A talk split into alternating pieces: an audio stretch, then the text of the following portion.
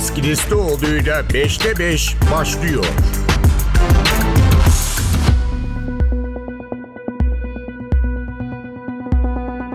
Merhaba, 5'te 5 ile karşınızdayız. Bu hafta pandemiyi konuşacağız. Tarihler 11 Mart 2020 idi. Yani bundan 3 yıl önceydi yaklaşık.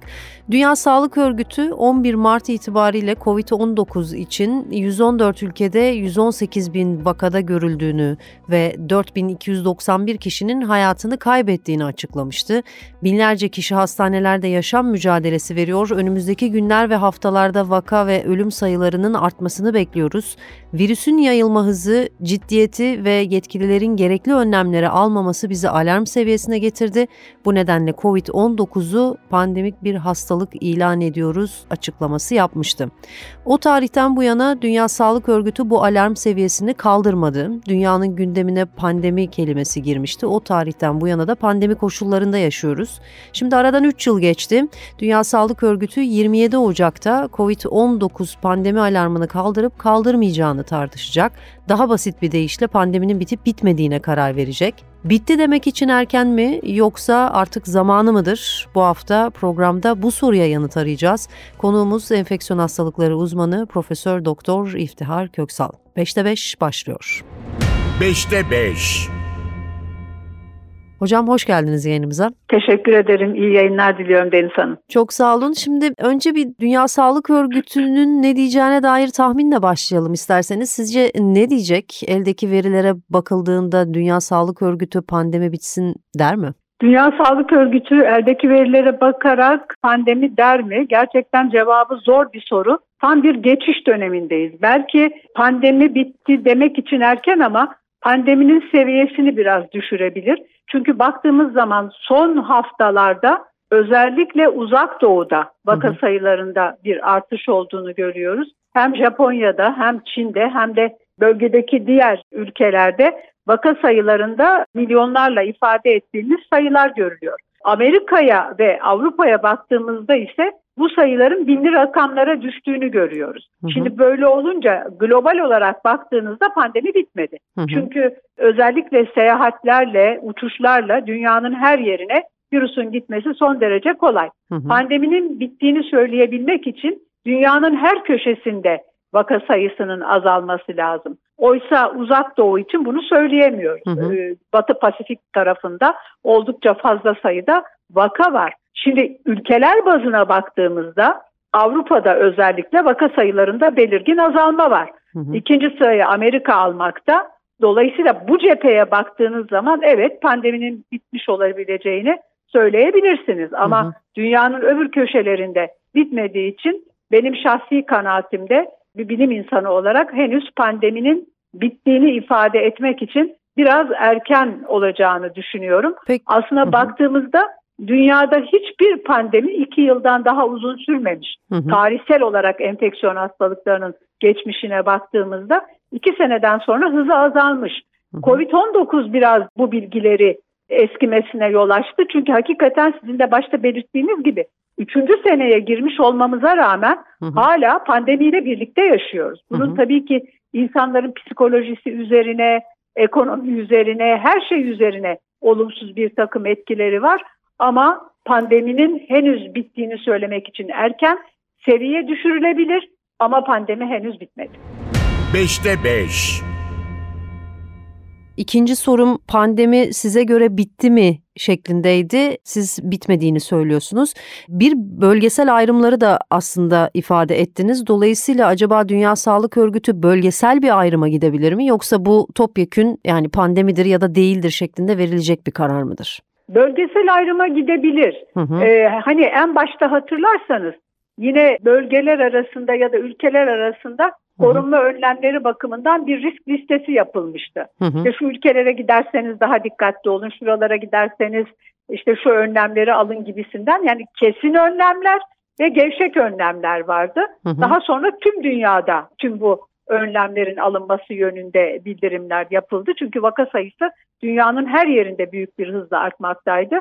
Şimdi burada da ülkelere göre risk seviyesini düşürebilir ama yine bunu yaparken de risk gruplarını da dikkate alması lazım. Şimdi baştakinden en önemli farklılık aşının olması Hı hı. ve tedavi edici ajanların olması. Hı hı. Biz özellikle bu risk grupları üzerine biraz daha fazla eğilmek durumundayız. Çünkü pandemi bitti demek için benim hiç vaka görmemem lazım. Hı hı. Hani artık sporadik görmem lazım Hı hı. ama hala hastaneye yatışlar varsa, hala dünyanın değişik ülkelerinden vakalar Türkiye'ye de geliyorsa Hı hı. değişik nedenlerle ya da Türkiye'ye geldikten sonra tanı konuyorsa ülkemiz de dahil olmak üzere önlemleri gevşetmenin erken olacağını düşünüyorum. Hı hı. O nedenle hani bölgesel olarak önlem veya gevşetme alınabilir belki ama risk grupları açısından hala yüksek riskin devam ettiğini de belirtmek isterim. Aslında Bu nasıl ayırt Evet. edilecek? Yani bu çok zor bir şey aslında. Yani tabii ki bir, zor bir şey. e, Hiç kolay olmayan bir şey. İşte uyarılar e, yapılarak aşıya yine teşvik edilerek çünkü aşılama oranlarında da hem Hı hı. ülkemizde hem dünyada belirgin bir düşüş var. Hatırlatma dozlarının yapılmasında belirgin bir düşüş var. Bu risk grupları açısından hala hastalığın devam ettiğini, özellikle maske, sosyal mesafeye devam edilmesi, Hı hı. aşılamanın hatırlatma dozlarının yapılması gibi önlemlerde e, bir hatırlatma yapılacağını düşünüyorum. Tabii ki genel bir uyarıdır bunlar. Hı hı. Kişi kişi bunu ayırmanız pek mümkün değil. Hı hı. Ama bütün bunları Dünya Sağlık Örgütü'nde mutlaka masaya yatıracaktır. Hı hı. Ve böyle bakıldığı zaman da hani pandemi bitti artık önlem almaya gerek yok denmesi şahsen çok şaşırtıcı geliyor bana ve ürkütücü geliyor biraz da. Hı hı. Çünkü pandemi devam ediyor. Hı hı. Yani hekim olarak baktığımız zaman pandemi devam ediyor. 5'te 5. Sanırım bilim insanları da zaten Dünya Sağlık Örgütü'nün tepe yönetimine benzer mesajlar veriyorlar. Henüz erken bunun ilanını yapmak için şeklinde yorumlar var. Ağırlıklı olarak göreceğiz ne diyecek Dünya Sağlık Örgütü ama üçüncü sorum da şu olsun. Acil durum hali belki düşürülebilir dediniz. Aslında ikinci ve birinci soruya yanıt verirken de bazı örnekler verdiniz ama şöyle biraz daha kafamızda toplu bir şekilde netleşmesi için bunun kademeleri nedir? Nasıl bir perspektifle Dünya Sağlık Örgütü eğer bu yola başvuracaksa bir açıklama yapabilir? Şimdi şöyle olabilir. Zaten bir takım gevşemeler var. Hı hı. Örneğin e, artık maske takmak zorunlu değil. Toplu yaşam alanlarına girerken zorunlu değil ama özellikle bu uzak doğu seyahatlerinde ve oradan başka yerlere giden kişiler için uçaklarda maske takma zorunluluğu getirebilir. Yani Hı hı. bunları zorunlu olarak tutar. Yine o ülkelere gidecek olanların mutlaka aşısını yaptırmış olmalarını öngörebilir. Hı hı. Ve yine o ülkelere gidenlerin e, özellikle toplu alanlarda ve toplu taşım araçlarında maske ve sosyal mesafeye uyması konusunda önlemler olabilir. Yoksa bir seyahat kısıtlı vesaire gibi bir önlemlerin alınması hiç kimsenin beklemediği şeyler. Hı hı. Bir de şunu ifade edeyim. Hani bunun için erken deme sebeplerimden birisi biz Covid-19'da bu maske, sosyal mesafe gibi alınan koruyucu önlemlerin influenza'ya karşı da ne kadar koruyucu olduğunu gördük. Hı hı, Bu doğru. sene Covid-19'la yarışır hatta onu geçen düzeyde bir influenza yaşıyoruz. İnfluenza Doğru. salgını yaşıyoruz. Hı hı. Şimdi bu tamamen maske ve mesafeden uzaklaşmanın getirmiş olduğu bir Hı sorun. hı. E peki şimdi onu terk etmek bir yerde bunlar için de davetiye çıkarmış Hı hı. anlamına gelecek. O nedenle Dünya Sağlık Örgütü'nün şu dönemde böyle kesinlikle kalkmıştır gibi bir şey söyleyeceğini çok düşünemiyorum. Bu alınacak önlemlerin düzeyindeki esnemeler kategorinin düşürülmesi anlamına gelmekte. Kesin kısıtlayıcı önlemler değil, bir yerde hani seyahat bazlı, ülke bazlı alınacak önlemler olarak özetleyebilirim. Şimdi Tamamen Hı hı. önlemlerin e, kalkması için de vaka sayılarının artık sporadik hale dönmüş olması lazım. Münferit vakalar halinde olması lazım ki önlemler tamamen kaldırılsın ve artık pandemi bitti. Bu hastalık artık sporadik hale ya da mevsimsel grip haline döndü diyebilelim. Ve ölüm oranları hala çok yüksek. Bunların da azalmış olması lazım. Şimdi bir alt başlık olarak akla geldiği için soruyorum. Dünya Sağlık Örgütü'nün üzerinde ne kadar büyük bir siyasi baskı var ya da var mı? Şu yüzden soruyorum. Yani bu pandemi sürecinde özellikle ekonomik gelişmeler, dünya ekonomisinin, küresel ekonominin bir anlamda pandemi sonrası resesyona yani bir durgunluğa girmesi endişesi, büyük ülkelerin, küresel ekonomik güçlerin o anlamda pandemi koşulları yani alarm koşullarının devam etmemesi konusunda genel bir eğilimi var diye anlıyoruz. Dolayısıyla Dünya Sağlık Örgütü kararını verirken ya da böyle kararları verirken üzerinde siyasi baskı hisseder mi? Ya mutlaka hisseder. Oradaki komisyondaki kişilerin gücüne kalmış bir şey. Yani savunma gücüne kalmış bir şey. Hı hı. Mutlaka ki vardır. Bu daha önceki zamanlarda da oldu. Hı hı. Ee, özellikle gelişmiş ülkelerin bu şekilde bir baskı yapması artık hani yeter siz de bu şekilde bir görüş beyan edin gibi bir baskı olacaktır. Muhtemeldir. Hı hı. Ee, ancak bir de bilimsel gerçekler var. Hani hı hı. bizler işin siyasi değil bilimsel tarafında olmak durumundayız. Doğru. Öyle baktığımız zaman da bunu söylemek nedenli doğru olur? E, o da tartışılır tabii ki. Hı hı. İnsan sağlığı her şeyin daha ötesinde. Evet Covid-19'la birlikte yaşanan birçok sorun var. Hepimiz toplumsal olarak tüm dünya bunun etkilerini hissetti ve hissetmeye devam etmekte. Ama bir taraftan da başa dönelim can kurtarmak için verilen mücadeleleri hatırlayalım. Hı hı. E, hiçbir zaman bir canlının hayatı bir siyasi görüşle bağdaşmaz düşüncesindeyim. Beşte beş. Dördüncü sorum şu olsun diyelim ki Dünya Sağlık Örgütü pandemi bitmiştir dedi ya da işte o acil seviyeyi kaldırma kararı verdi. O zaman hayatımızda ne değişecek? Şimdi yani... bir kere e, hı hı. psikolojik olarak insanlar bir grup insan en azından kendini çok ferahlamış, çok rahatlamış, hı hı. tamamen özgürleşmiş hissederken bir taraftaki insanlar da daha erken kuşkuyla bakacak ve huzursuz olacak. Şimdi bir aşağı yukarı bir denge oturmuş durumda şu anda ama bu dengenin bozulması insanların bir kısmını olumlu etkilerken bir kısmını da özellikle hastalık endişesi taşıyan insanlarda veya hastalığı daha önce çok ağır geçirmiş kişilerde bir kuşku ve korkuya yol açacaktır. Bu Hı. eninde sonunda olacak bir şey. Hani ama buna bakarken böyle bir kararın alınmasında toplum huzuru açısından da vaka sayıları rehber olacaktır. Hı hı. Yani şimdi ne oldu? Daha Covid-19 bitmeden nasıl böyle bir önlem kaldırması yapıldı? Nasıl her şey serbest oldu diye görüşler de olabileceği gibi yeter artık bunca zaman oldu. Kaldırıldığı iyi oldu diyenler de mutlaka olacaktır basında da olacaktır, insanlar arasında da olacaktır. Dolayısıyla bunlara da hazırlıklı olmak lazım. Toplum psikolojisini mutlaka etkileyecektir. Ama o nedenle şöyle bir baktığım zaman iki tarafı nasıl dengeleriz? Biraz daha en azından bu ilkbahara gelinceye kadar bir iki ay daha bu sürenin devam etmesi gerektiğini düşünüyorum. Henüz toplumun da bunların kaldırılmasına hazır olmadığı düşüncesindeyim. Bunu yaparken de sadece kişisel fikrim değil, gelen hastalarla toplumla yaptığımız konuşmalar sonucunda edindiğim intibaya dayanarak söylüyorum. O zaman bahar aylarını beklemek daha sağlıklı olacak daha diye mantıklı olacak. Çünkü Hı-hı. vaka sayıları mutlaka bu özellikle Uzak Doğu'da görülen vaka sayılarında da bir azalma olacaktır. Dünyada zaten hani bir azalma var ama şimdi bitti demek zor. Mesela bakıyorsunuz vaka sayıları azken birdenbire tırmanışa geçiyor. O hafta artıyor. Hı hı. Ondan sonra tekrar bir durağanlık yaşanıyor gibi. Yani henüz taşlar yerine oturmadı Covid-19 hı hı. cephesinde. Hı hı. E, o nedenle biraz erken olduğunu düşünüyorum. Beşte beş. Son sorum şu olsun. Bundan sonraki süreçte yani diyelim ki Covid-19 salgını sadece Dünya Sağlık Örgütü'nün ilanı değil dediğiniz gibi vaka sayılarıyla bitmiş olsun. Bundan sonraki süreçte biz ne kadar zaman sonra yeniden bir pandemiyle sınanırız yani dünya. Çünkü baktığımızda 1914'te İspanyol gribini biliyoruz. 1968'de Hong Kong gribi var. 2000'li yıllarda SARS, 2009'da domuz gribi, 2019'da da Covid-19'dan bahsettik. 2000'lerden sonra zaman aralığı giderek daralıyor ve trendde yükseliyor. Dolayısıyla öngörünüz nedir? Dünya yeniden ne zaman sınanır yeni bir pandemiyle? Evet. Şimdi bu mevcut e, sizin de saydığınız virüsler hala aramızda. Hiçbirisi hı hı. kaybolmadı. Hı hı. Ee, örneğin bu sene e, H1N1 yani domuz gribi vakalarını da oldukça fazla sayıda görüyoruz. Doğru. Şimdi e, Deniz Hanım bu da aslında çok faydalı bir şey. iklim değişikliği, buzulların erimesi, uyuyan birçok mikroorganizmanın, virüsün beklenmedik bir şekilde dünyaya yeniden çıkmasına ve insanları tehdit etmesine yol açabilir. Hmm. Bu beklenen bir şey, hayal değil.